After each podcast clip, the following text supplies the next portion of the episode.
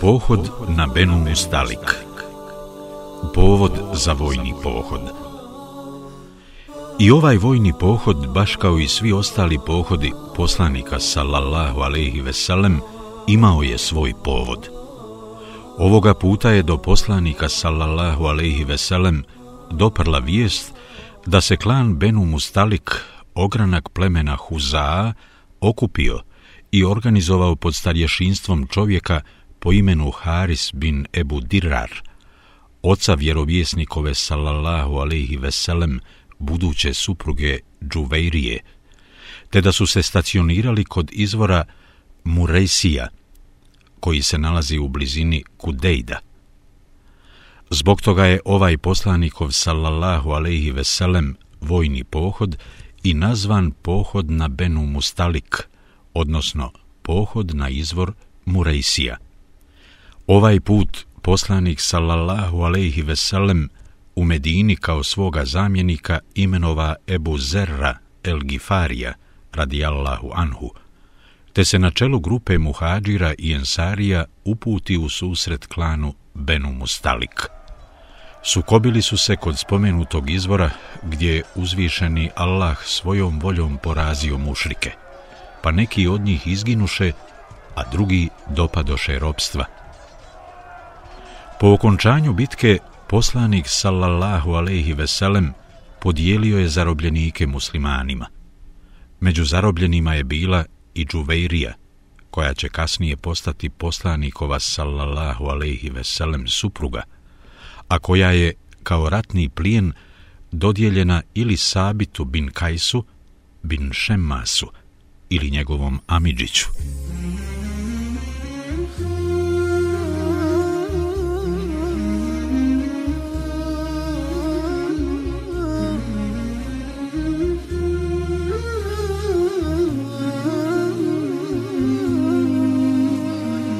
Džuvejrija želi kupiti svoju slobodu. Kada je Džuvejrija, kćerka lokalnog starješine Harisa bin Ebu Dirara, dopala robstva, tražila je od svog tadašnjeg vlasnika Sabita bin Kajsa da joj dozvoli da se uz materijalnu nadoknadu otkupi iz robstva i ponovo zadobije slobodu. Otišla je kod Allahovog poslanika sallallahu alejhi ve sellem te od njega u tu svrhu zatražila materijalnu pomoć, nakon čega je on upita. A šta misliš da isplatim za tebe traženu protuvrijednost, a za uzvrat da se udaš za mene? Pristajem Allahov poslaniče, odgovori ona. Tako je i bilo. Allahov poslanik, sallallahu alejhi ve sellem isplati Džuvejrijinom vlasniku materijalnu protuvrijednost koju je tražio za njenu slobodu, a potom se njome oženi. Kada su muslimani čuli da se poslanik sallallahu alaihi veselem oženio Džuvejrijom, rekoše, naši su zarobljenici sada tazbina Allahovog poslanika sallallahu alaihi veselem, pa kako da ih još uvijek držimo u robstvu?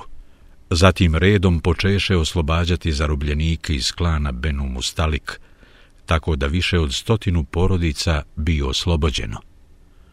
Zbog ovog je događaja Aisha radijallahu anha običavala kazati Ne znam da je i jedna žena svome narodu donijela toliko koristi i blagoslova kao što je to učinila Džuvejrija.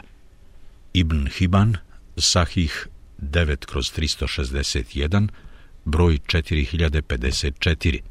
Ahmed, Musned, 6 kroz 277, broj 26408, sa dobrim lancem prenosilaca.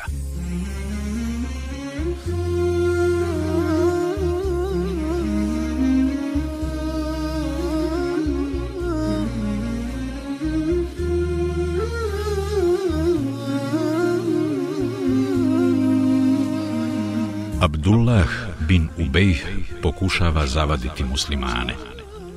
Muslimani su još uvijek bili ulogoreni kod izvora Murejsija, kada se odjednom začuše povici dvojice ljudi. Prvi je dozivao, o Ensarije, a drugi o Muhađiri, nakon čega se ljudi uskomešaše.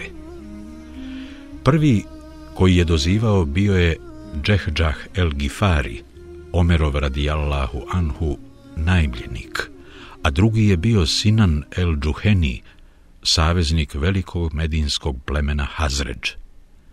Džehđaha je Omer radijallahu anhu unajmio kako bi mu u ovom pohodu vodio konja i brinuo se o njemu. Džehđah el Gifari je upomoć pozivao muhađire, jer je njegovo pleme bilo u tradicionalnom savezništvu sa Kurejšijama, koji su uglavnom činili muhađirsku populaciju. Dok je Sinan el Džuheni upomoć pozivao Ensarije koji su velikim dijelom bili iz plemena Hazređ, s kojim je Sinanovo pleme bilo tradicionalni saveznik. Njih dvojica su se sukobila oko izvora, pa je svaki od njih upomoć pozivao svoje tradicionalne saveznike. Kada je doznao za ovaj slučaj, vođa munafika Abdullah bin Ubej bin Selul se žestoko rasrdi. U to vrijeme se nalazio kod svojih sunarodnjaka, među kojima je bio i Zaid bin Erkam, tada još veoma mlad, bolje reći dječak. Abdullah ljutito reče, zar su takvo nešto učinili? U našem gradu brojčano su nas prevazišli. Allahom se kunem, ako se vratimo u Medinu, sigurno će jači iz nje istjerati slabijeg. Potom ode članovima svoje šire porodice govoreći I ovo ste sebi dopustili. Njima ste svoj grad prepustili. Svoje imetke ste s njima podijelili. Allahom se kunem, kada biste im nešto od toga uskratili, oni bi se odmah nekom drugom priklonili. Kada je Zaid bin Erkam čuo šta ovaj munafik govori, otišao je poslaniku sallallahu alaihi veselem i prenio mu njegove riječi. Kod poslanika sallallahu alaihi veselem tada bijaše Omer bin Hattab radijallahu anhu, koji čuvši šta je Abdullah bin Ubej rekao, odmah predloži. Allahov poslaniče, izdaj naređenje Abadu bin Bišru da ga odmah ubije. Poslanik sallallahu alejhi ve sellem na to reče: Pa da onda ljudi počnu pričati kako Muhammed ubija svoje drugove. Ništa od toga, već ljudima oglasi polazak. Tako je poslanik sallallahu alejhi ve sellem krenuo nazad u Medinu u vrijeme u koje nikada nije običavao izdati naređenje za pokret, a postupio je na taj način kako bi ljude odvratio od razmišljanja o smutnji koja se desila. Ovo je bio još jedan u nizu poslanikovih sallallahu alejhi ve sellem briljantnih poteza u kojima mu niko nije mogao biti takmac, niti će mu u tom pogledu iko ikada moći biti ravan. Useid bin Hudajr radijallahu anhu priđe poslaniku sallallahu alejhi ve sellem poselami ga i reče Allahov vjerovjesniče, krenuo si u vrijeme u koje nikada ranije nisi imao običaj da kreneš, a on mu uzvrati. Zar nisi čuo šta je rekao Abdullah bin Ubej? A šta je to rekao, upita Useid, na što će poslanik sallallahu alaihi veselem. Rekao je da će nakon što se vratimo u Medinu, jači iz nje istjerati slabijeg.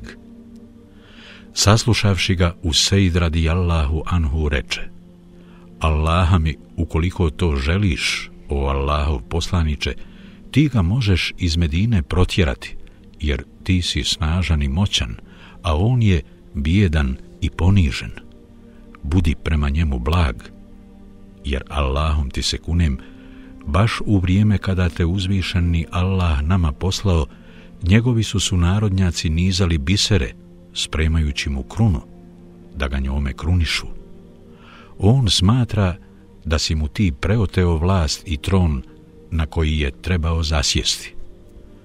Čim je saznao šta se dešava, Abdullah bin Ubej odjuri Allahovom poslaniku sallallahu alaihi veselem, te mu se poče Allahom zaklinjati da on nije rekao ono što je u vezi s njim ispričao Zaid i da o tome ni riječi nije izustio.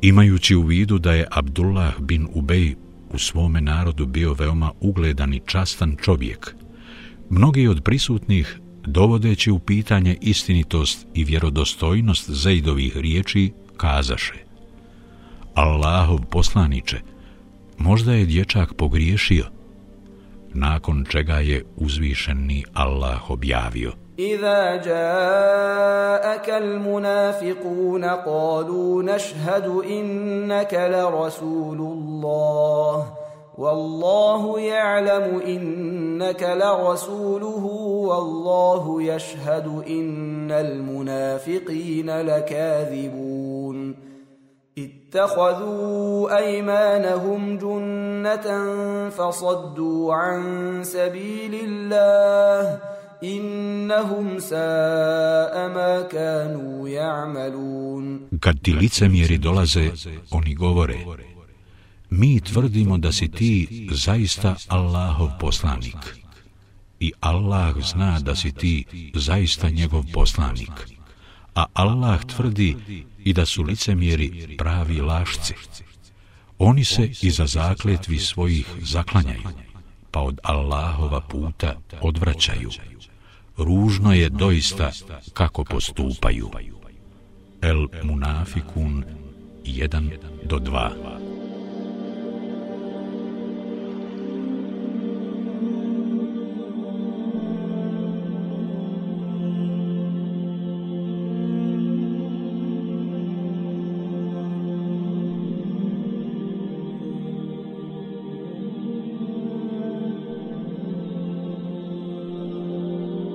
začuđujući potez jednog mladića. Kada je časni i pobožni mladić Abdullah, jedan od onih koji su bili pisari Allahove objave, a koji je inače bio sin spomenutog munafika Abdullaha bin Ubeja bin Selula, doznao kako se njegov otac ponio, odmah ode vjerovjesniku sallallahu alaihi veselem, te mu reče Allahov poslaniče, čuo sam da želiš pogubiti moga oca.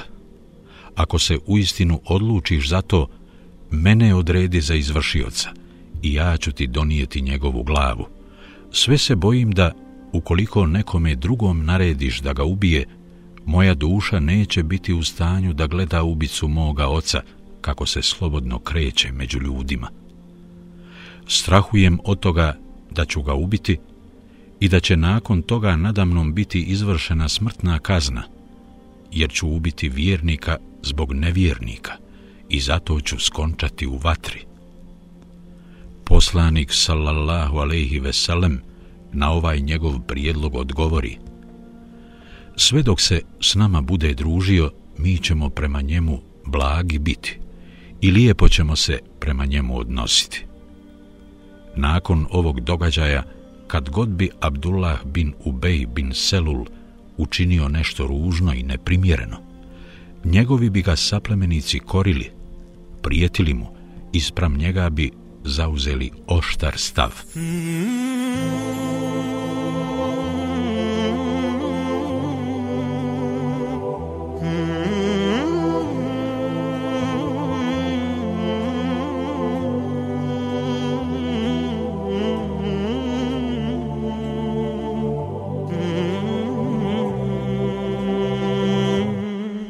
Bolje rješenje.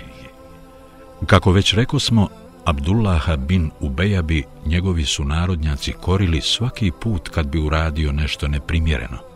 Šikanirali bi ga i prijetili mu. Tako da ni poslanik sallallahu alaihi veselem, niti njegovi časni ashabi, više nisu imali potrebe da se s njim obračunavaju. To su sada činili Abdullahovi saplemenici. U vezi s tim je Allahov poslanik sallallahu alaihi veselem kazao Omeru bin Hattabu radi Allahu anhu. Šta misliš o ovome, o Omere? Da sam ga ubio onog dana kad si mi predložio da to učinim, mnogi bi se njegovi naljutili, jer bi njima ovladala plemenska pristrasnost. A gledaj sad, da im naredim da ga ubiju, odmah bi to učinili.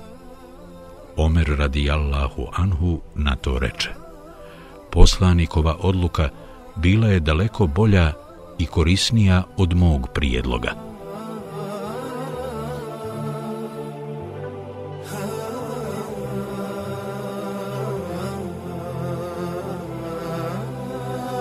Izdajstvu nevjernika ne treba se čuditi. Ukoliko nevjernik pronevjeri ili izda, tome se uopće ne treba čuditi, jer kad dama nevjerstva prekrije nečije srce, ona sprečava da bilo koji oblik dobra, blagodarnosti ili dobročinstva dopre do dotične osobe, tako da ona niti postiče na ono što je lijepo i dobro, niti negira ono što je ružno i zlo. Takav je slučaj bio sa čovjekom po imenu Mikjes bin Subaba el Lejsi, čiji je brat Hišam poginuo u pohodu na Benu Mustalik i to greškom. Naime, njega je jedan ensarija koji je pripadao istom klanu iz kojeg potječe i plemeniti ashab Ubada bin Samit, u toku bitke nehotice pogodio strijelom, nakon čega je Hišam umro. Poslije je iz Meke u Medinu došao Hišamov brat Mikjes, tvrdeći da je primio islam, te je od poslanika sallallahu alaihi veselem tražio krvarinu za svoga poginulog brata. Poslanik sallallahu alaihi veselem udovoljio je njegovom zahtjevu i isplatio mu krvarinu. Nedugo zatim je Mikjes fizički nasrnuo na ubicu svoga brata i ubio ga, a potom je, odmetnuvši se od islama, pobjegao nazad u Meku. Tom prilikom izrecitovao je nekoliko stihova, a ovdje navodimo dva. Zavjet svoj ja ispunih, brata sam osvetio, kumirima svojim rado sam se vratio. Autor napominje da je ovaj Mikjes jedan od četverice ljudi čiju je krv poslanik sallallahu alaihi veselem ohalalio, odnosno jedan od onih čije je ubistvo Muhammed sallallahu alaihi veselem naredio rekavši ubijte ih, pa makar ih našli kako se grčevito pridržavaju za kabenski ogrtač, jer su se svi oni odmetnuli od islama.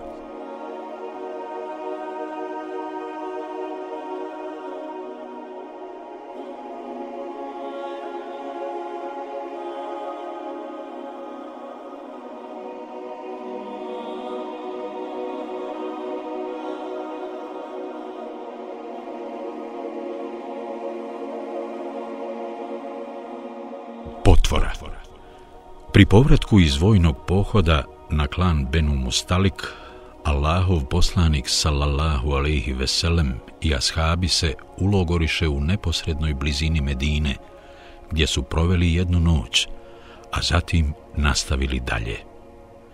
Tom prilikom desio se poznati događaj potvore, a Aiši radijallahu anha, majici vjernika, prepuštamo da nam prepriča cijeli slučaj.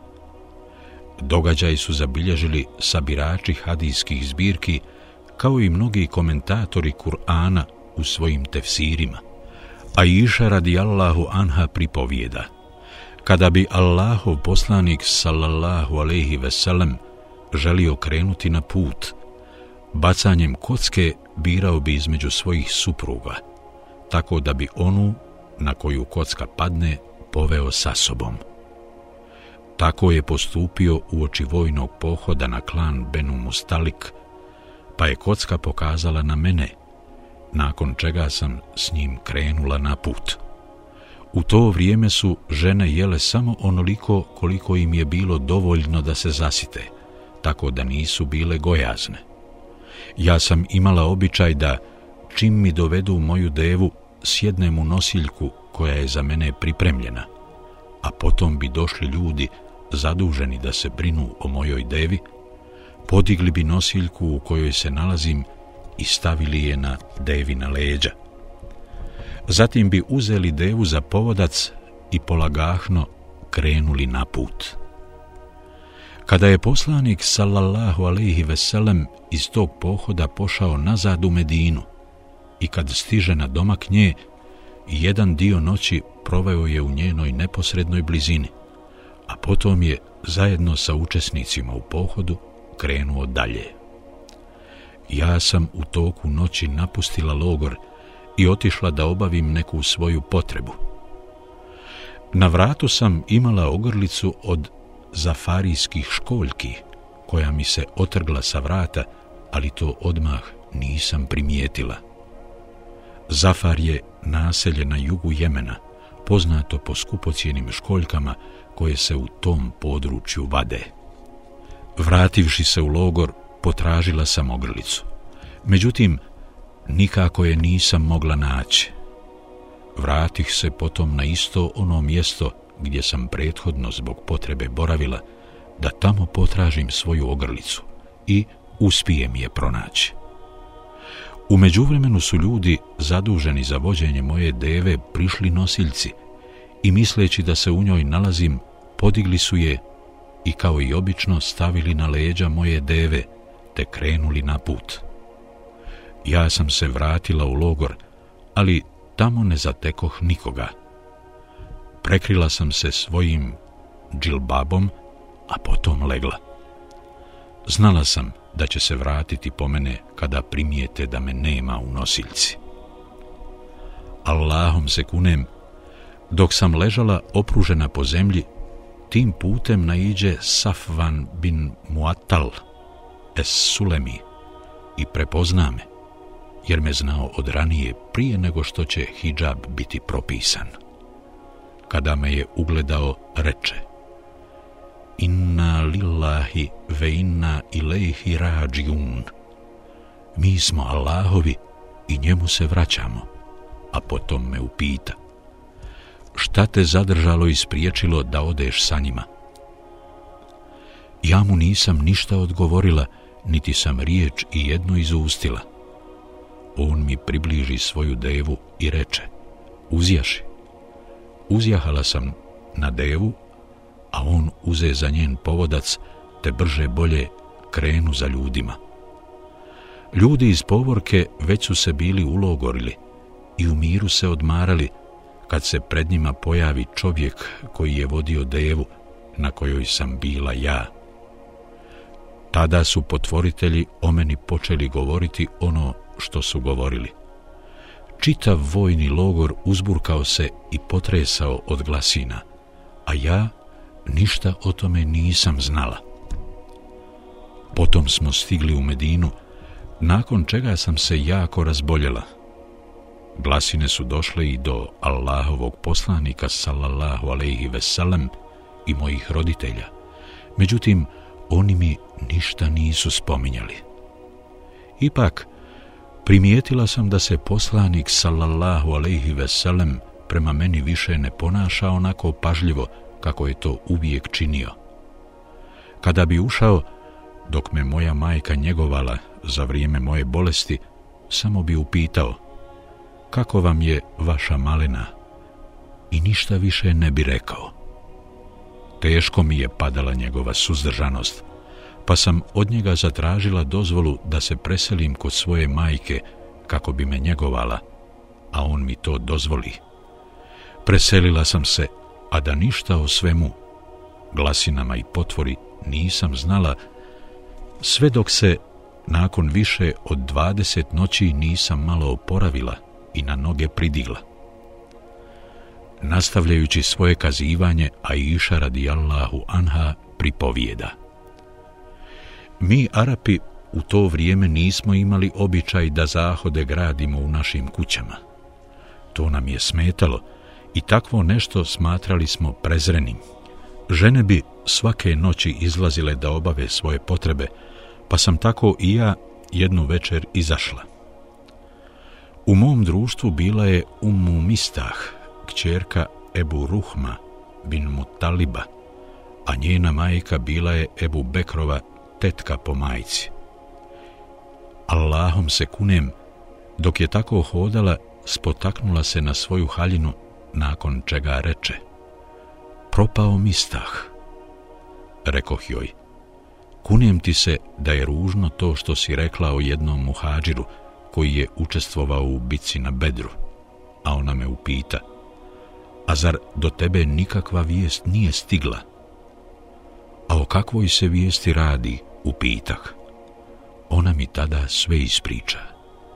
Allahom se kunem, nakon toga nisam bila u stanju ni svoju potrebu da obavim, već sam se odmah vratila kući.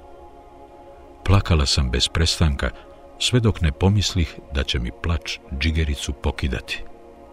Potom rekoh svojoj majci.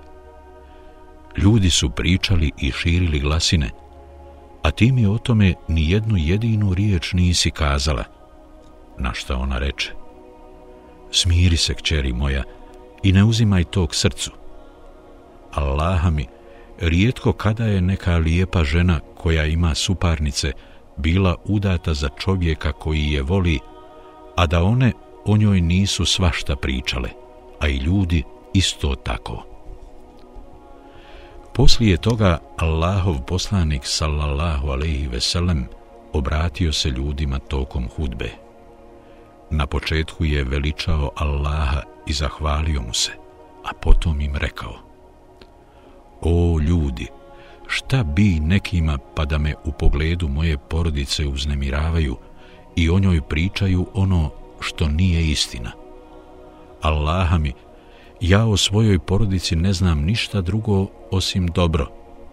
Govore to o čovjeku o kojem Allahom se kunem ne znam ništa drugo osim ono što je dobro i lijepo. On nikada ni u jednu od mojih prostorija nije ušao sam, već je uvijek ulazio zajedno sa mnom. Ovaj poslanikov sallallahu alaihi veselem govor teško je pao Abdullahu bin Ubeju bin Selulu i nekim ljudima iz plemena Hazređ. Pored Abdullaha bin Ubeja, u širenju neistinitih glasina o meni učestvovao je i Mistah bin Usasa, kao i Hamna bint Džahš, čija je sestra Zajneba, bila jedna od poslanikovih sallallahu alaihi veselem supruga, a nijedna od svih njih nije mi kod poslanika sallallahu alaihi veselem parirala poput nje. Međutim, uzvišeni Allah je nju, zbog čvrstine njene vjere, sačuvao od potvore i laži. Tako da nije rekla niti jednu ružnu riječ, već samo ono što je dobro. Što se tiče njene sestre Hamne, ona je širila glasine i potvoru, nastojeći mi naštetiti zbog pristrasnosti svojoj sestri, što ju je i upropastilo. Ljudi su se u džamiji u vezi sa ovim slučajem počeli raspravljati i umalo da nije došlo do smutnje. Tada je poslanik sallallahu alaihi veselem sišao s minbera i ušao kod mene. Pozvao je Aliju i Usamu bin Zejda i upitaju ih za mišljenje u vezi sa cijelom tom situacijom.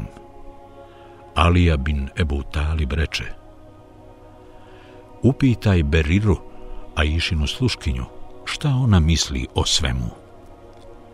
Poslanik sallallahu alaihi veselem tako i postupi. Pozvao je Beriru kojoj Alija priđe o šamarije, a zatim joj reče govori istinu Allahovom poslaniku. Berira se poče zaklinjati da o meni ne zna ništa drugo osim dobro. Jedino mi je zamjerala to što ona nekad zamijesi tijesto, pa mi kaže da ga pripazim, a ja zaspim, pa dođe ovca i pojede ga. Nešto kasnije je Allahov poslanik sallallahu alejhi ve sellem ušao kod mene gdje je zatekao moje roditelje i jednu ženu, Ensariku. Ja sam plakala, a zajedno sa mnom plakala je i ova Ensarika. On je sjeo, zahvalio se Allahu i pohvalio ga onako kako mu dolikuje, a potom je rekao O Aisha, desilo se ono što se desilo. Čula si šta ljudi govore, pa zato boj se Allaha. Ako si učinila nešto loše i ako je istina ono što ljudi pričaju, pokaj se Allahu, jer On u istinu prima pokajanje od svojih robova.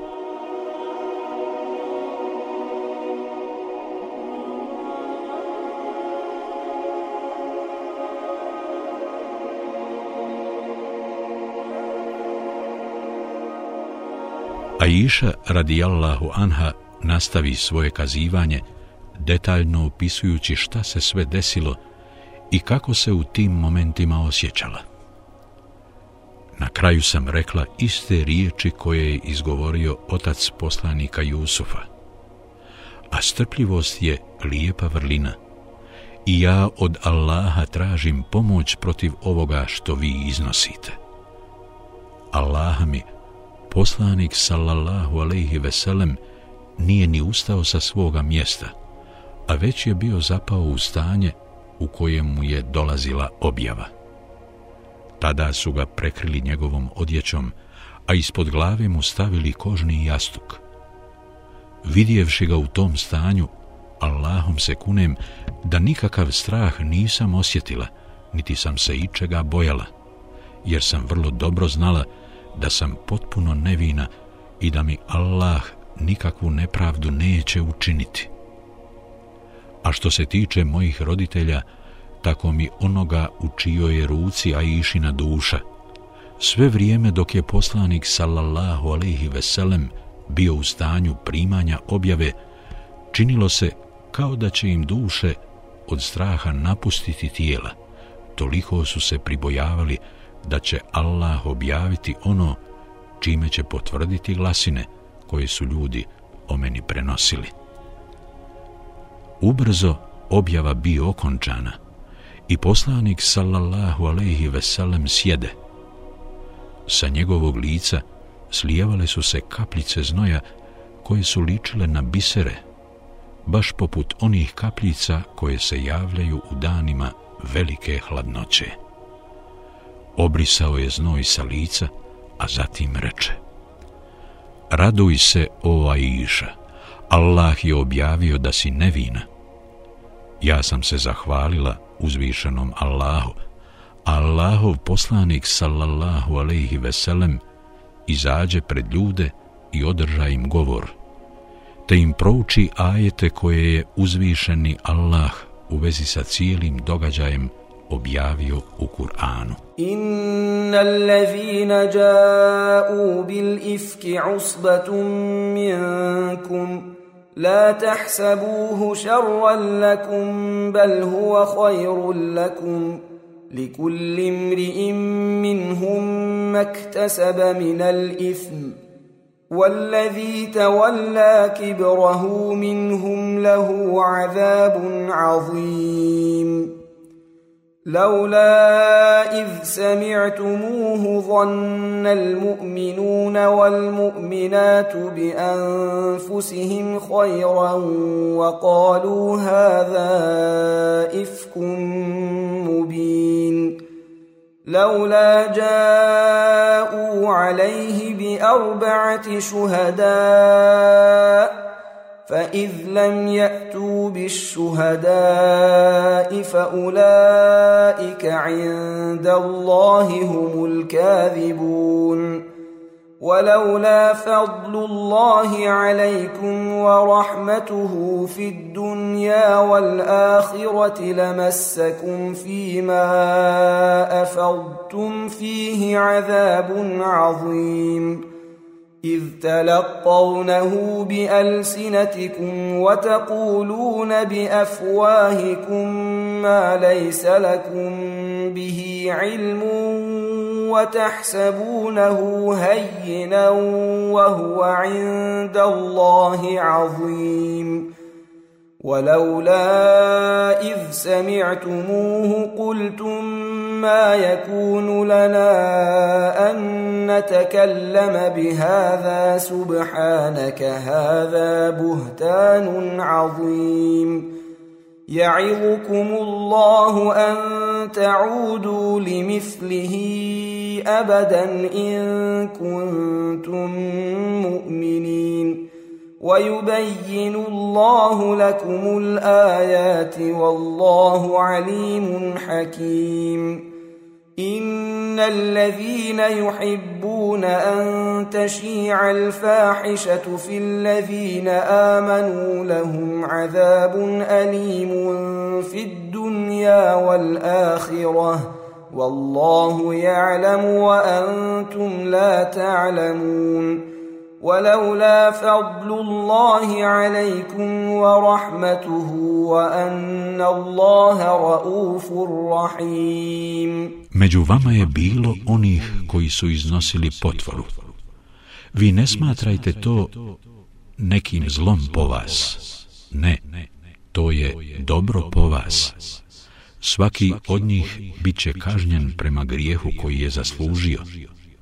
A onoga od njih koji je to najviše činio čeka patnja velika.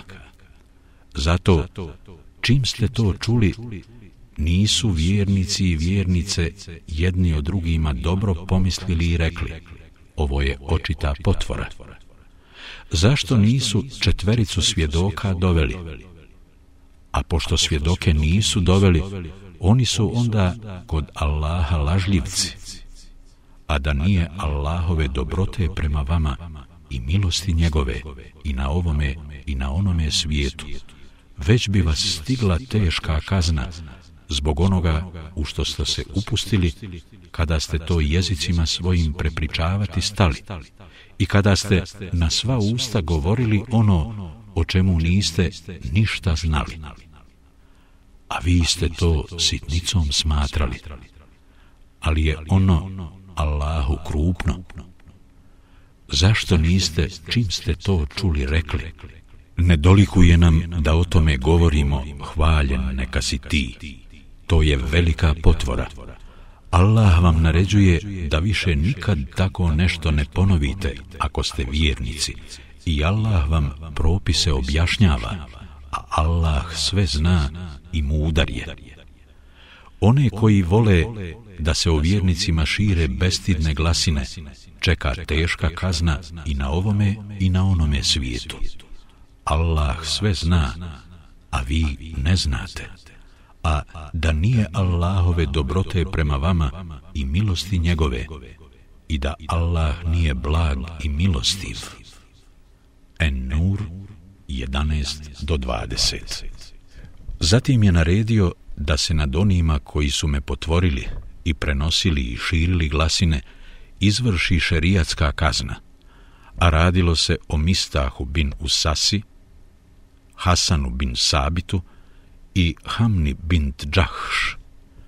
U nekim predajama zabilježeno je da su Aiši radijallahu anha poslije objavljenih ajeta o njenoj nevinosti njeni roditelji kazali da ode i da se zahvali Allahovom poslaniku sallallahu alaihi veselem, nakon čega im je ona rekla Neću se zahvaljivati nikome osim uzvišenom Allahu koji me je oslobodio optužbi kada je poslanik sallallahu alejhi ve sellem doznao za ove njene riječi, kazao je: Shvatila je ko je najzaslužniji što je istina izašla na vidjelo.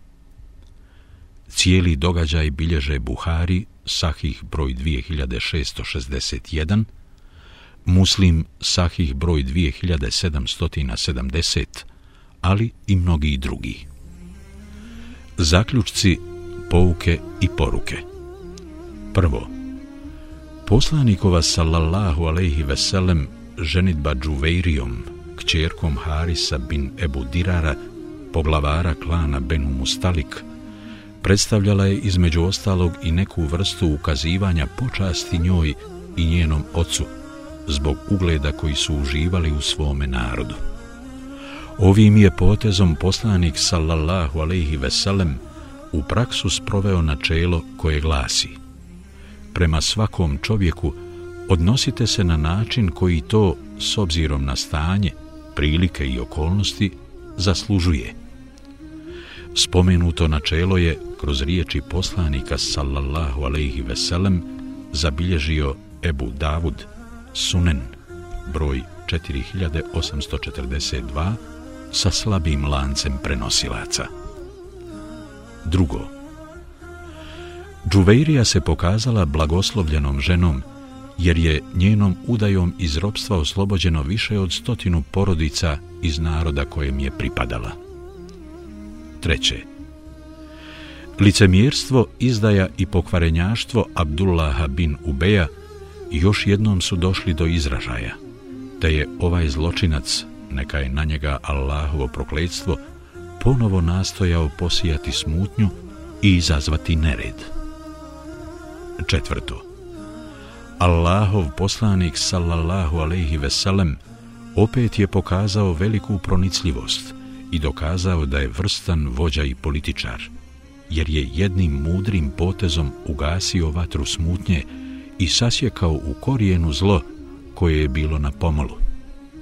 To je postigao tako što je ljudima naredio pokret odmah nakon svađe koja je izbila oko izvora, a usto je zabranio pogubljenje Abdullaha bin Ubeja i pored toga što je ovaj bio munafik i što je zbog tada izgovorenih riječi bez sumnje zaslužio smrtnu kaznu.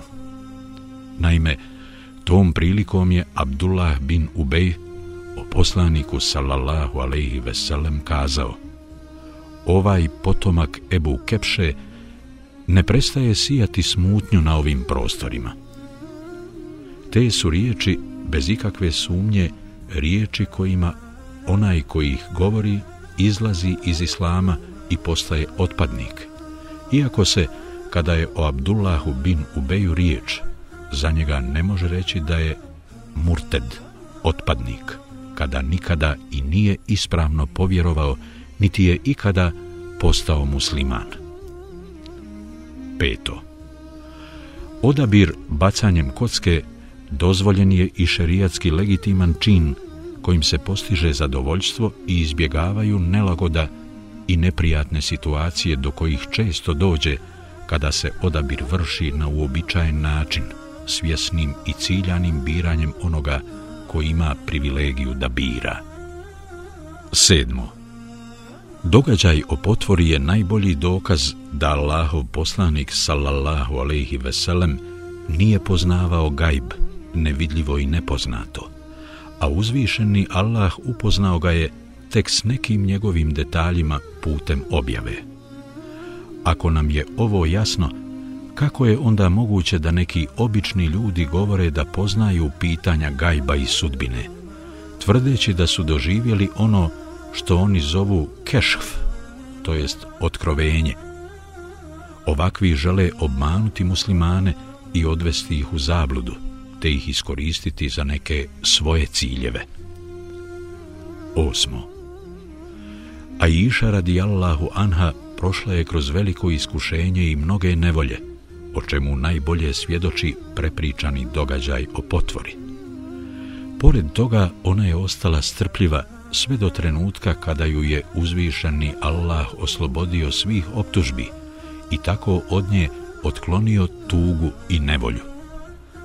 Iskušenje kroz koje je prošla najbolje potvrđuje istinitost riječi Allahovog poslanika sallallahu alaihi veselem.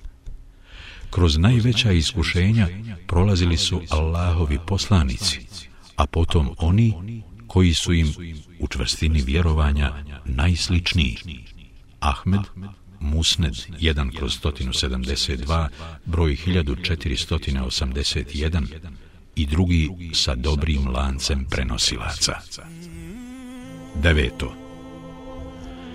Nevinost Aiše radijallahu anha jasno je i kategorički potvrđena, a onaj koji nakon kuranskih ajeta objavljenih povodom toga bude sumnjao u njenu nevinost, takav je uznevjerovao i očiti kufr počinio. I takav je, ukoliko se ne pokaje i ne vrati u islam, nevjernik koji će skončati u vječnoj vatri. Deseto. Ukazano je na šerijatsku kaznu kojom će biti kažnjeni oni koji vjernika ili vjernicu potvore za blud.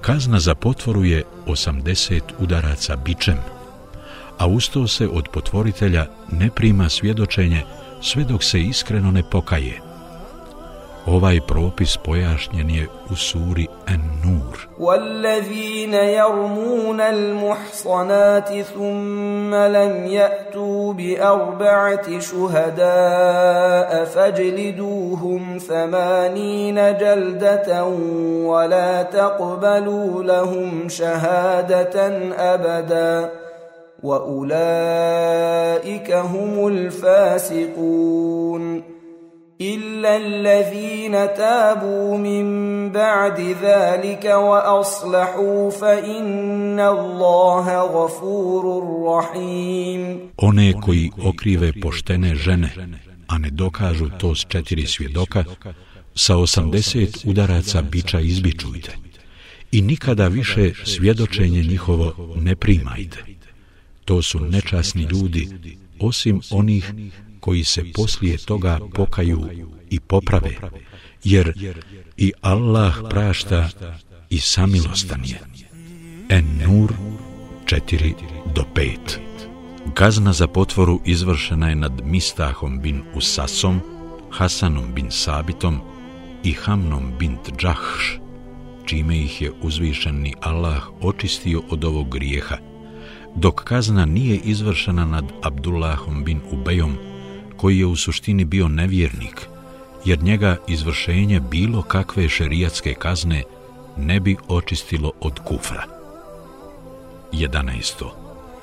Ebu Bekr radijallahu anhu rado se povinovao naređenju uzvišenog Allaha objavljenom u sljedećem ajetu. وَلَا يَأْتَلِ أُولُو الْفَضْلِ مِنْكُمْ وَالسَّعَةِ أَنْ يُؤْتُوا أُولِي الْقُرْبَى وَالْمَسَاكِينَ وَالْمُهَاجِرِينَ فِي سَبِيلِ اللَّهِ وَلْيَعْفُوا وَلْيَصْفَحُوا أَلَا تُحِبُّونَ أَنْ يَغْفِرَ اللَّهُ لَكُمْ ۗ Wallahu ghafurur rahim. Neka se čestiti i imućni među vama ne zaklinju da više neće pomagati rođake i siromahe i one koji su na Allahovom putu rodni kraj svoj napustili. Neka im oproste i ne zamjere. Zar vam ne bi bilo drago da i vama Allah oprosti, a Allah prašta i samilostan je. En Nur 22. Naime, nakon što je Mistah bin Usasa, koji je bio sin Ebu Bekrove tetke po majci, učestvovao u širenju ružnih glasina o Aiši radijallahu anha, on se zarekao da Mistaha, kojem je do tada udjeljivao hranu i odjeću, neće više materijalno pomagati. Međutim, nakon objave ovog ajeta, Ebu Bekr radijallahu anhu iskupio se za prekršenu zakletvu i Mistahu nastavio pomagati na isti način kako mu je pomagao i do ovog nemilog događaja, jer mu je bio rođak, a usto i siromašni muhađir. 12. U toku ovog vojnog pohoda u kojem se desio i događaj potvore, poslanikova sallallahu alaihi veselem čvrstina i smirenost u više navrata došla je do izražaja pokazao je svoju oštroumnost i pronicljivost, strpljivost i plemenitost, kao i odmjerenost i objektivnost, bez obzira da li se radilo o njemu ili njegovim ashabima. Također, činjenica da se u vezi sa događajem potvore savjetovao samo sa članovima svoje porodice još je jedan argument u prilog svemu spomenutom.